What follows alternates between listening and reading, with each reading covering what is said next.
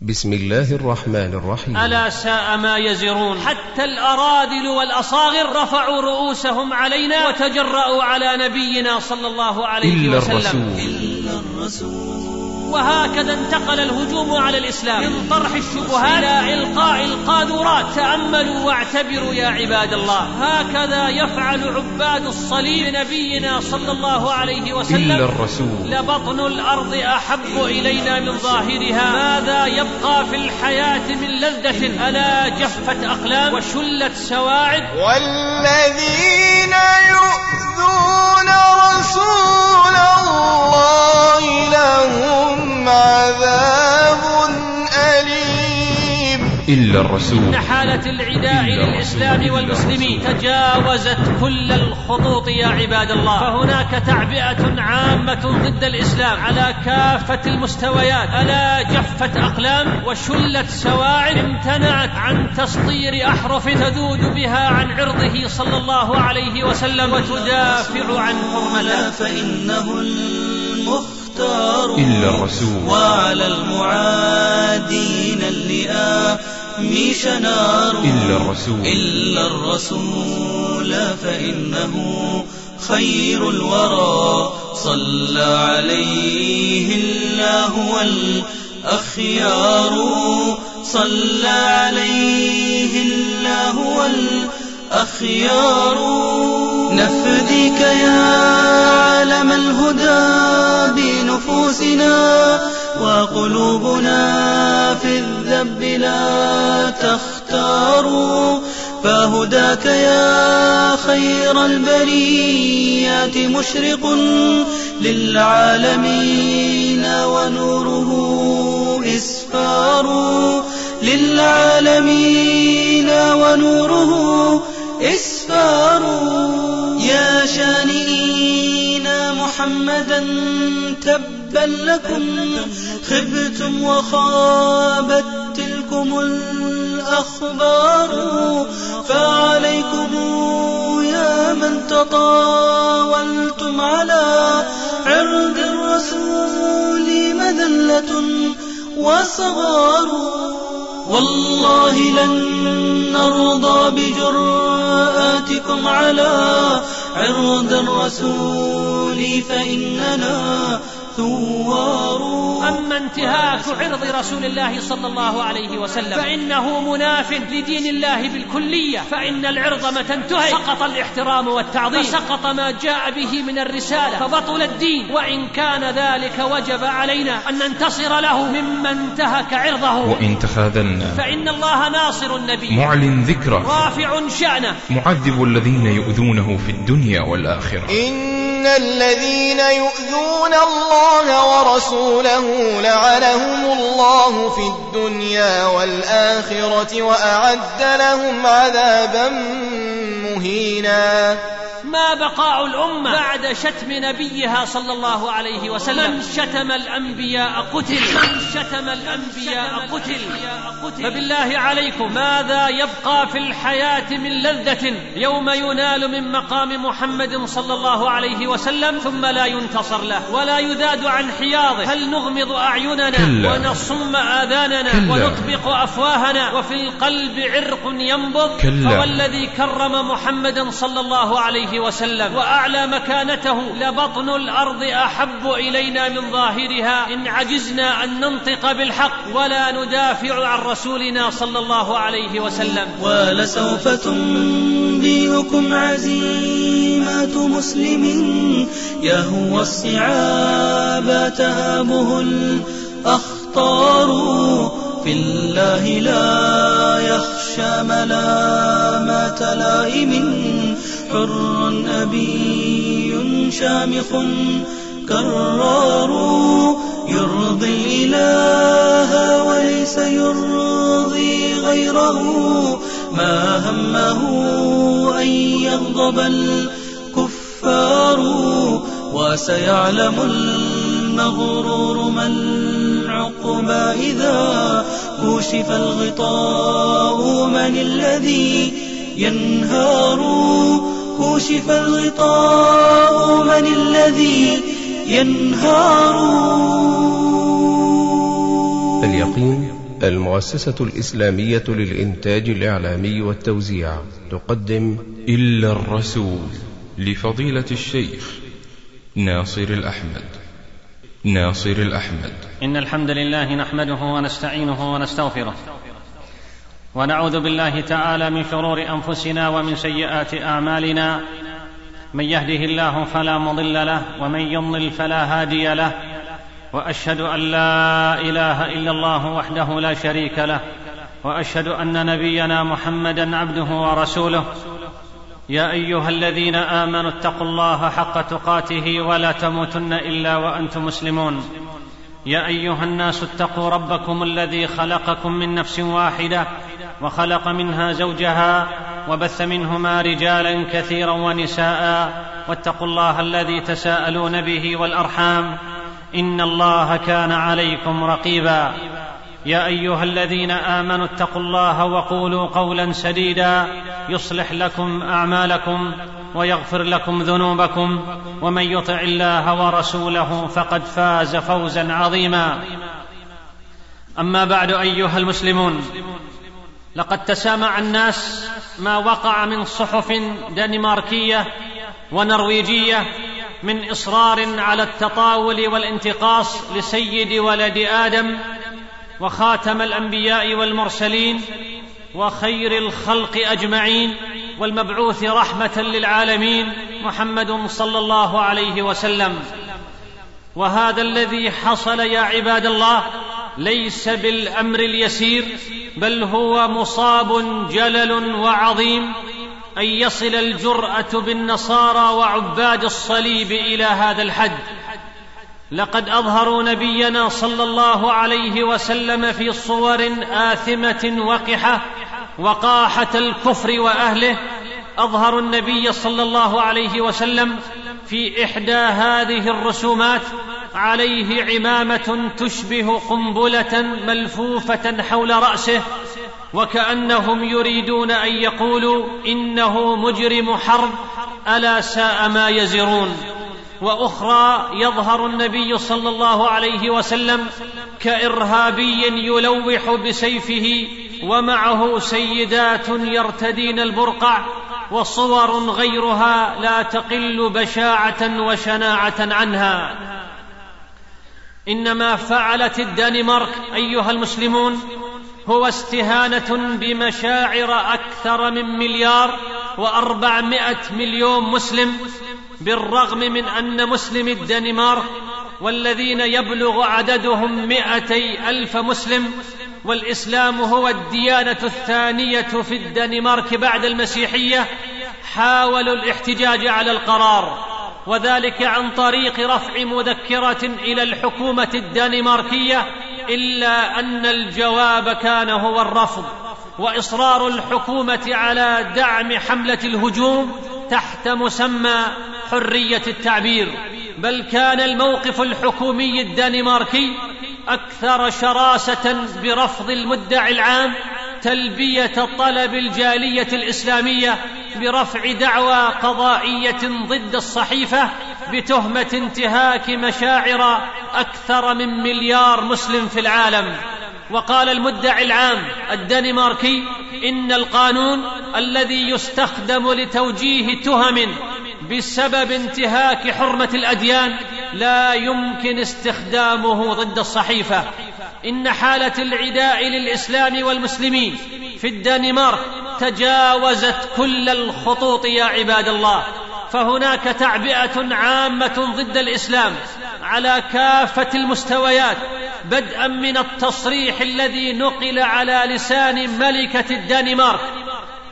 والذي قالت فيه إن الإسلام يمثل تهديدا على المستويين العالمي والمحلي وحثت حكومتها إلى عدم إظهار التسامح تجاه الأقلية المسلمة انتهاء بمواقع الإنترنت التي يطلقها دنماركيون أفرادا ومؤسسات خاصة تحذر من السائقين المسلمين لأنهم إرهابيون وقتلة.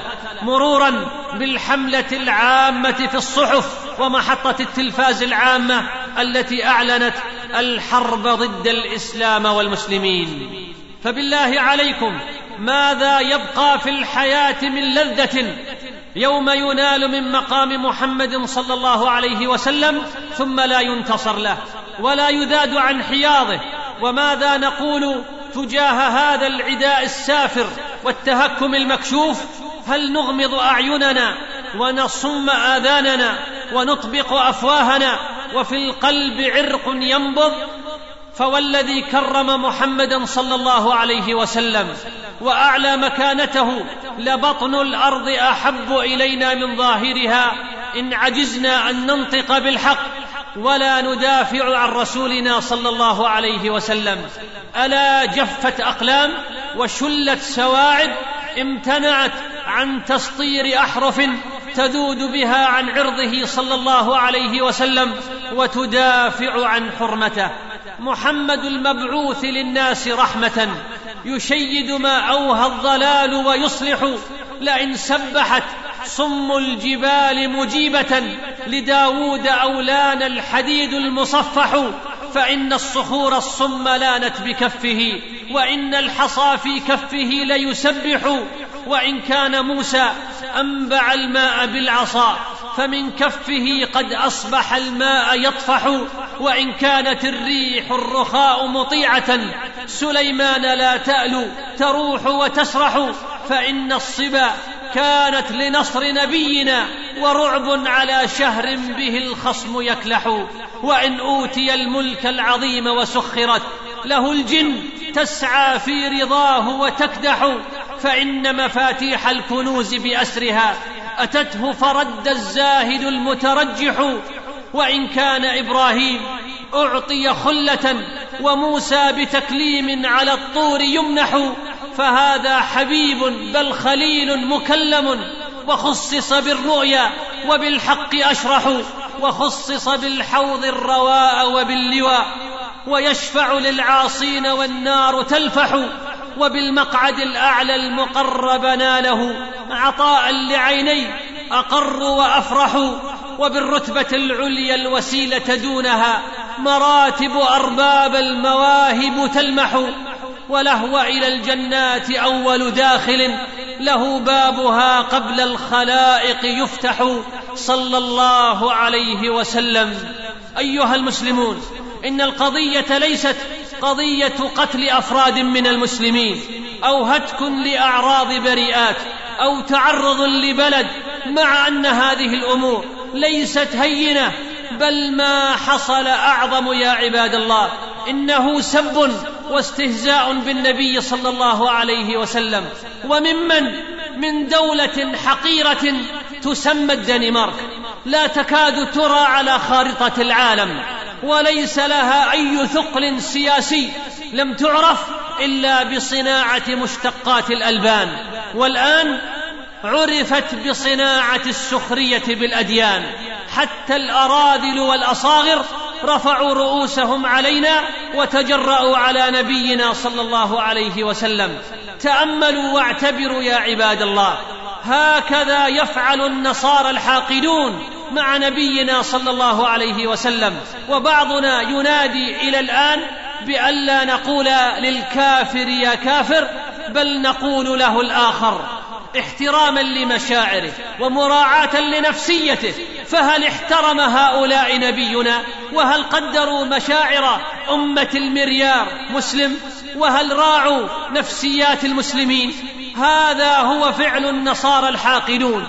مع رسولنا صلى الله عليه وسلم وبعضنا ينادي ألا نبغضهم وألا نظهر العداوة لهم وربنا جل وتعالى يقول لنا يا أيها الذين آمنوا لا تتخذوا عدوي وعدوكم أولياء تلقون إليهم بالمودة وقد كفروا بما جاءكم من الحق هكذا يفعل عباد الصليب بنبينا صلى الله عليه وسلم وبعضنا يطالب بحذف الولاء والبراء من مناهجنا الدراسية ونزعه من قلوبنا لأننا في عصر الصفح والتسامح بين الأديان. إن ظهور مثل هذه الأفعال من النصارى على وسائل الإعلام قد يفقد بعض المسلمين تصرفاتهم وقد يقدمون على أمور لا تحمد عقباها ويفعلون أشياء ويقدمون على أعمال غير مسؤولة. ودويلة هزيلة مثل الدنمارك ماذا تملك من القوة والضبط والمخابرات في مقابل دول تسمي نفسها بالعظمى وقد حصل فيها من التخريب والدمار ما هو معروف للعالم أجمع؟ وهل هناك شخص أو جهة أو حتى دولة تستطيع أن تتحكم في مشاعر جميع المسلمين في العالم وتضبط تصرفاتهم والكل يعلم أن ما حصل يثير مشاعر الفسقة. فكيف بأهل الدين والغيرة؟ ولا يخفى الغرب أن الموت في سبيل الله. أمنية كل مسلم وهناك الملايين الآن ممن هم مستعدون أن يموتوا دون هذه القضية. أيها المسلمون إن الهجوم الإعلامي على الإسلام ذو جذور قديمة قدم الإسلام وهو أحد الأساليب التي اتخذها الكفار للصد عن سبيل الله تعالى بدءا من كفار قريش وحتى عصرنا الحاضر. وهذا الهجوم له ألوان كثيرة ولكنها في أغلبها كانت محصورة في نطاق الشبهات والمغالطات والطعون. وبعد أحداث الحادي عشر من سبتمبر انتقل الهجوم إلى لون جديد قذر لم يعهد من قبل وهو التعرض لشخص الرسول صلى الله عليه وسلم والنيل من عرضه وذاته الكريمة وقد اتسم هذا الهجوم بالبذاءه والسخرية والاستهزاء مما يدل دلالة واضحة أن هذا التهجم له منظمات ووراءه دول وله استراتيجيات خاصة تتركز على استخدام وسائل الإعلام. بل ويقوم به أناس متخصصون مدعومون من قساوسة النصارى وليست القضية أنها عمل فردي من صحفي أو جريدة أو مجلة أو نحوها. وهكذا انتقل الهجوم على الإسلام من طرح الشبهات إلى إلقاء القاذورات ولم يجد المهاجمون في الإسلام. ولا في شخص خاتم الأنبياء والمرسلين ما يرضي رغبتهم في التشويه. ووجدوا أن الشبهات والطعن الفكري من الأمور التي يسهل تفنيدها وكشف زيفها أمام قوة الحق في الإسلام. فلجأوا إلى التشويه الإعلامي وبخاصة أنهم يملكون نواصيه في الغرب. وهذه القضية تثير غيرة كل مسلم وتدفعه إلى التساؤل عن أسباب هذه الهجمة. والأغراض الكامنة وراءها ومدى تأثيرها لقد أزعجهم سرعة انتشار الإسلام في الغرب والذي أثار غيرة كل المعادين للدين سواء أكانوا من النصارى أو من اليهود أو حتى من العلمانيين والملحدين. وأيضا حسد القيادات وخصوصا الدينية فإن كثيرا من هؤلاء يغيظهم شخص الرسول صلى الله عليه وسلم بل حتى المنافقين في العالم الإسلامي. لما يرون من لمعان اسم النبي صلى الله عليه وسلم في كل الأرجاء وكثرة أتباعه وتوقير المسلمين الشديد لنبيهم عليه الصلاة والسلام وهذا ما يثير حسدهم. ولا ننسى عامل الخوف. ليس الخوف من انتشار الإسلام في الغرب فحسب بل الخوف من عودة المسلمين في العالم الإسلامي إلى التمسك بدينهم وهم الآن يستغلون ضعف المسلمين في كثير من الجوانب مثل الجانب الاقتصادي والإعلامي والعسكري ويريدون أن يطفئوا هذا النور قبل أن ينتشر في العالم. أيها المسلمون ان تخاذلنا عن نصرة نبينا صلى الله عليه وسلم. فإن الله ناصر النبي معلن ذكره رافع شأنه معذب الذين يؤذونه في الدنيا والآخرة. وفي الصحيح عن النبي صلى الله عليه وسلم قال يقول الله تعالى من عادى لي وليا فقد آذنته بالحرب. فكيف بمن عاد الأنبياء؟ يقول الله جل وتعالى والذين يؤذون رسول الله لهم عذاب أليم. وقال تعالى إن الذين يؤذون الله ورسوله لعنهم الله في الدنيا والآخرة وأعد لهم عذابا مهينا. قال تعالى إن الذين يؤذون الله ورسوله لعنهم الله في الدنيا والآخرة وأعد لهم عذابا مهينا. ويقول جل وعلا فاصدع بما تؤمر وأعرض عن المشركين إنا كفيناك المستهزئين. إن على كل مؤمن يحب الله ورسوله صلى الله عليه وسلم ويغار لدينه أن ينتصر لنبيه عليه الصلاة والسلام وأن يقدم كل ما في وسعه لرد هذه الهجمة الشرسة على الدول الإسلامية. أن تهب لنصرة نبيها وأن تستنكر ذلك أشد الاستنكار وأن ترفع عقيرتها بالإستنكار والتنديد والمطالبة الجادة وذلك في المؤتمرات والمحافل العامة رعاية لحق من أهم حقوقها وعلى المؤسسات. أن تقوم أيضا بدورها من خلال كتابة بيانات تستنكر فيه هذا الفعل المشين وتطالب بمحاكمة هذه المجلات ردا لاعتبار أكثر من مليار مسلم. ثم على المؤسسات والصحف والمجلات وأيضا المواقع الإسلامية. أن تكتب ردا على هذه الافتراءات وأن تسطر على صفحاتها بقلم يسيل عطرا شمائل النبي صلى الله عليه وسلم وأن تبين الدور العظيم الذي قام به عليه الصلاة والسلام لإنقاذ البشرية وأنه أرسل رحمة للعالمين وهداية للناس أجمعين. أيها المسلمون سأل الخليفة هارون الرشيد الإمام مالك بن أنس رحمهم الله تعالى في رجل شتم النبي صلى الله عليه وسلم وذكر له أن بعض المتفقهه أفتوا بجلده فغضب مالك رحمه الله وقال يا أمير المؤمنين ما بقاء الأمة بعد شتم نبيها صلى الله عليه وسلم؟ من شتم الأنبياء قتل إن سب النبي صلى الله عليه وسلم من أعظم المحرمات وهو كفر وردة عن الإسلام بإجماع العلماء سواء فعل ذلك جادا أم هازلا وأن فاعله يقتل ولو تاب مسلما كان أم كافرا. ثم إن كان قد تاب توبة نصوحا وندم على ما فعل فإن هذه التوبة تنفعه يوم القيامة فيغفر الله له أما في الدنيا فيجب أن يقتل وإن تاب. هذا هو حكم الله وحكم رسوله صلى الله عليه وسلم في رئيس تحرير الصحيفة التي سخرت بالنبي صلى الله عليه وسلم وكذلك راسم تلك الصور.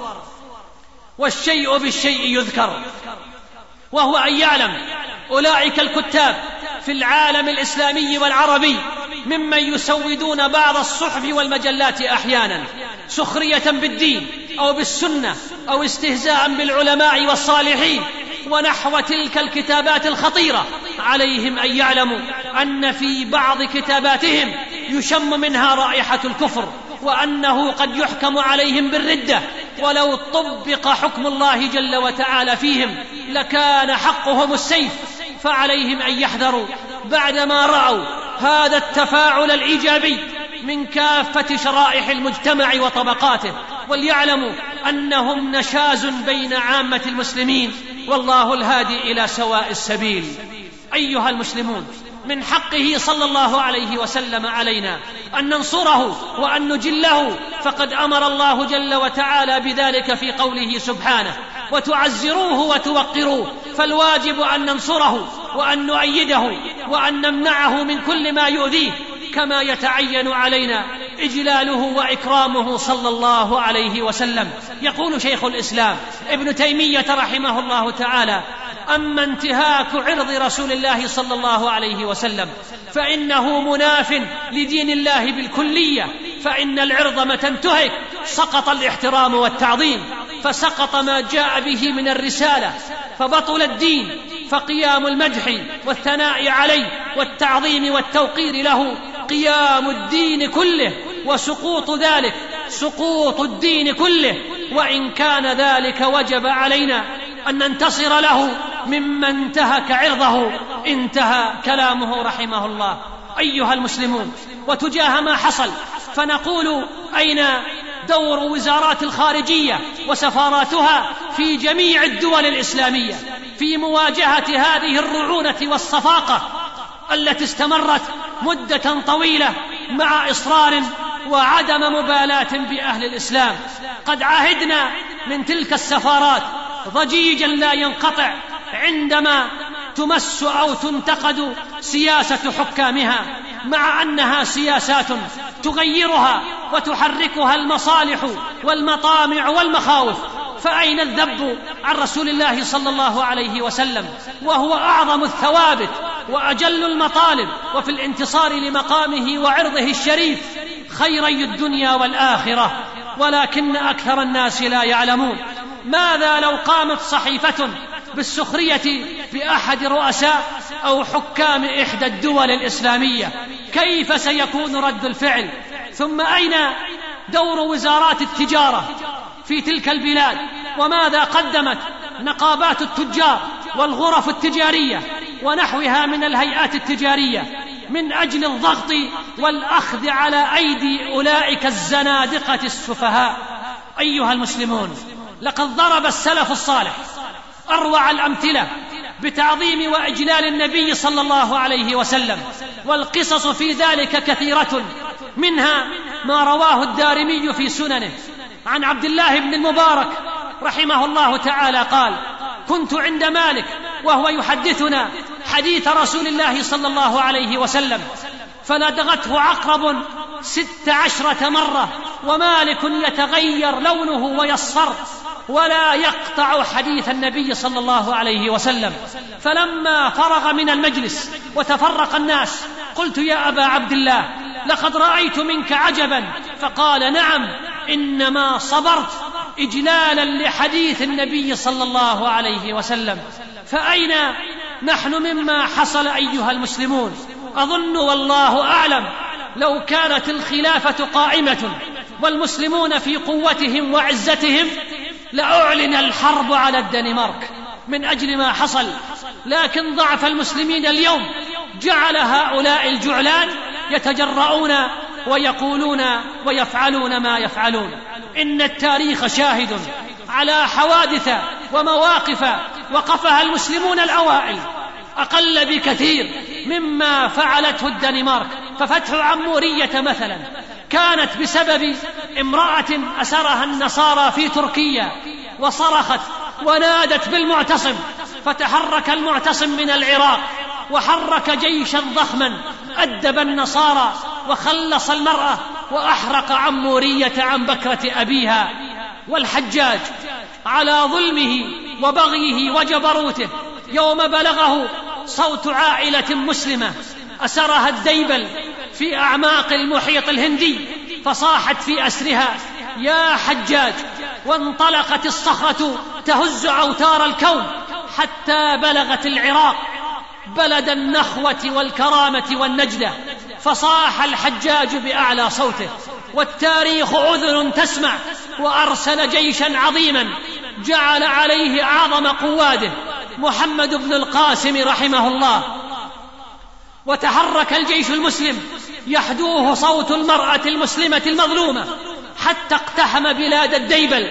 وهي كراتشي حاليا. وقتل ملكها. وعاد بالمرأة المسلمة حرة عزيزة.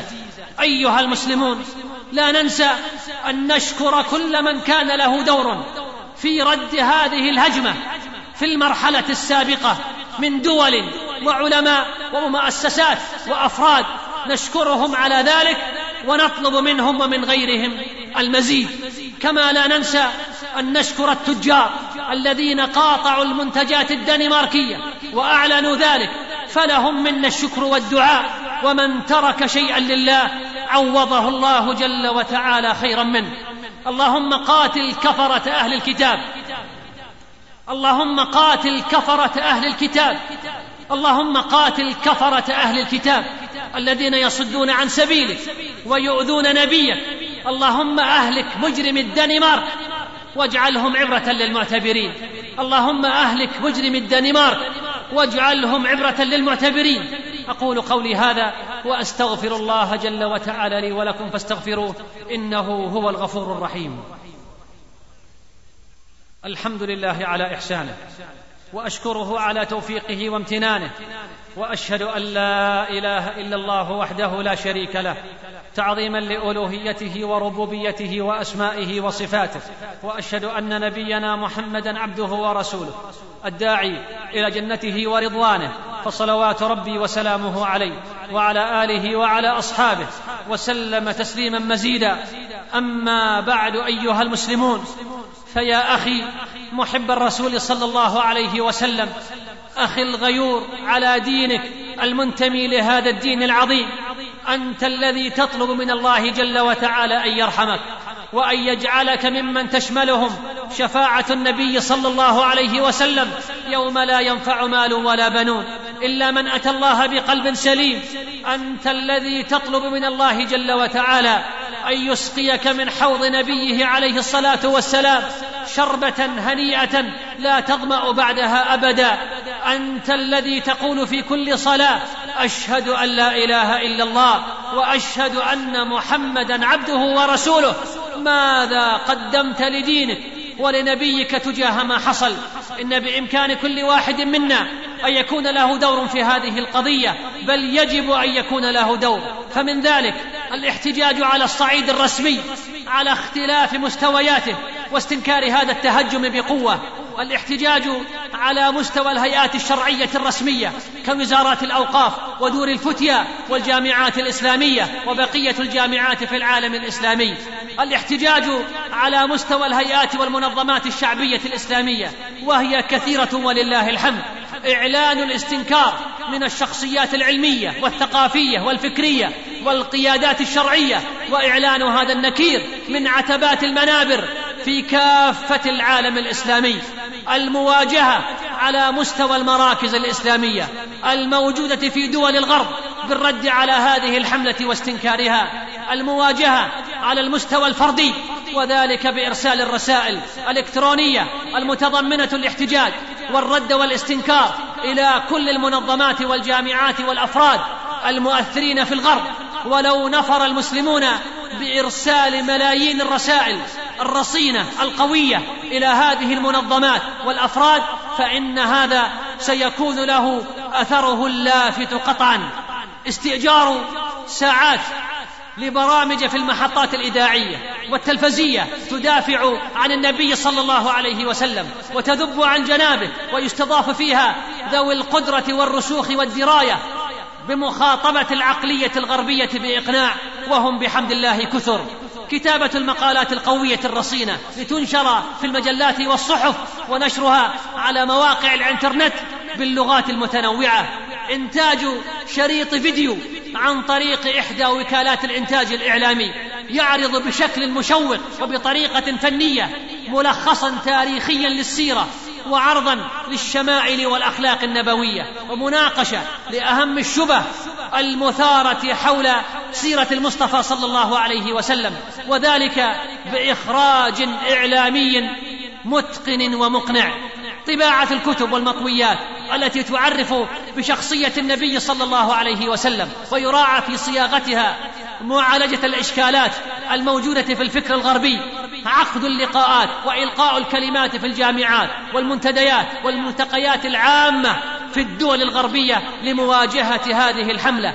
إصدار البيانات الاستنكارية من كل القطاعات المهنية والثقافية التي تستنكر وتحتج على هذه الإساءة والفحش في الإيذاء والمطالبة بمحاسبة الجريدة ومعاقبة الفاعل. إيجاد رد صريح من قبل العلماء الربانيين والتعليق عليه وتبيين الموقف الشرعي في قضية التعدي على الرسل والأنبياء والنبي صلى الله عليه وسلم مع إقامة مجموعة تنفيذية من العلماء المتخصصين وطلبة العلم للإجابة على هذه الافتراءات خلال مواقع الإنترنت وغيرها ولو قام العلماء في كل مكان. في المملكة ومصر وفي الجزائر والمغرب العربي والعالم الإسلامي جميعا ووجهوا لعامة الناس وبخاصة في الغرب خطر هذه القضية وأن هذه الشائعات لا يرضاها أصلا أنبياؤهم كعيسى وموسى فضلا أن يكون في محمد صلى الله عليه وسلم. لكان له تأثير قوي إيجاد مؤلفات تحمل بين جناباتها. حياة النبي صلى الله عليه وسلم وسهولته وسماحته في الحياة بجميع اللغات حتى يوضح للعالم. حياة النبي عليه الصلاة والسلام من جهة ومن جهة أخرى يرد على أولئك الذين تسلطوا على شخصيته وشرفه صلى الله عليه وسلم. اللهم انصر دينك وكتابك وسنة نبيك وعبادك الصالحين. اللهم انصر دينك وكتابك وسنة نبيك وعبادك الصالحين. اللهم انصر دينك وكتابك وسنة نبيك وعبادك الصالحين. اللهم قاتل كفره أهل الكتاب الذين يصدون عن سبيلك ويؤذون نبيك. اللهم أهلك مجرم الدنمارك. اللهم أهلك مجرم الدنمارك. أولئك الذين تطاولوا على نبينا عليه الصلاة والسلام. اللهم من أراد الإسلام والمسلمين بسوء فأشغله بنفسه ورد كيده في نحره واجعله اللهم تدبيره تدميرا عليه. اللهم عليك بالنصارى الصليبيين. اللهم عليك بالنصارى الصليبيين. اللهم عليك بالنصارى الصليبيين فإنهم لا يعجزونك اللهم أحصهم عددا وأهلكهم بددا ولا تغادر يا رب منهم أحدا. اللهم أقم علم الجهاد. اللهم أقم علم الجهاد. واقمع أهل الشرك والكفر والزيغ والعناد وانشر رحمتك على العباد والبلاد يا من له الدنيا والآخرة وإليه المآب. اللهم يا منزل الكتاب ويا مجري السحاب ويا سريع الحساب ويا هازم الأحزاب. اهزم الصليبيين المحاربين للإسلام والمسلمين في كل مكان. اللهم اهزم الصليبيين. اللهم اهزمهم وزلزلهم. اللهم اقذف الرعب في قلوبهم. اللهم فرق جمعهم. اللهم شتت شملهم. اللهم خالف بين آرائهم. اللهم اجعل بأسهم بينهم. اللهم أرنا بهم عجائب قدرتك. يا قوي يا قادر. اللهم أرسل عليهم الرياح العاتية والأعاصير الفتاكة والقوارع المدمرة والأمراض المتنوعة. اللهم أشغلهم بأنفسهم عن المؤمنين. اللهم لا تجعل لهم على مؤمن يدا. ولا على المؤمنين سبيلا. اللهم أتبعهم بأصحاب الفيل واجعل كيدهم في تضليل. اللهم أرسل عليهم طيرا أبابيل. ترميهم بحجارة من سجيل. اللهم خذهم بالصيحة وأرسل عليهم حاصبا. اللهم صب عليهم العذاب صبا. اللهم اخسف بهم الأرض وأنزل عليهم كسفا من السماء. اللهم اقلب البحر عليهم نارا. والجو شهبا وإعصارا. يا ذا الجلال والإكرام. يا حي يا قيوم. اللهم إنك قلت وقولك الحق. ادعوني أستجب لكم.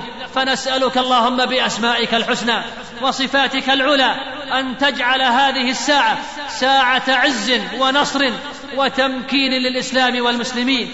كما نسألك اللهم أن تجعلها أن تجعل هذه الساعة ساعة ذل وخزي وضعف للكفار والمشركين. ربنا آتنا في الدنيا حسنة وفي الآخرة حسنة وقنا عذاب النار. اللهم صل على محمد وعلى آل محمد كما صليت على إبراهيم وعلى آل إبراهيم إنك حميد مجيد. اللهم بارك على محمد وعلى آل محمد كما باركت على إبراهيم وعلى آل إبراهيم في العالمين إنك حميد مجيد. وآخر دعوانا أن الحمد لله رب العالمين. وتفضلوا بقبول تحيات إخوانكم بمؤسسة اليقين للإنتاج الإعلامي والتوزيع. هاتف رقم ستة صفر خمسة ستة ستة ستة تسعة. فاكس ستة صفر خمسة واحد واحد واحد صفر.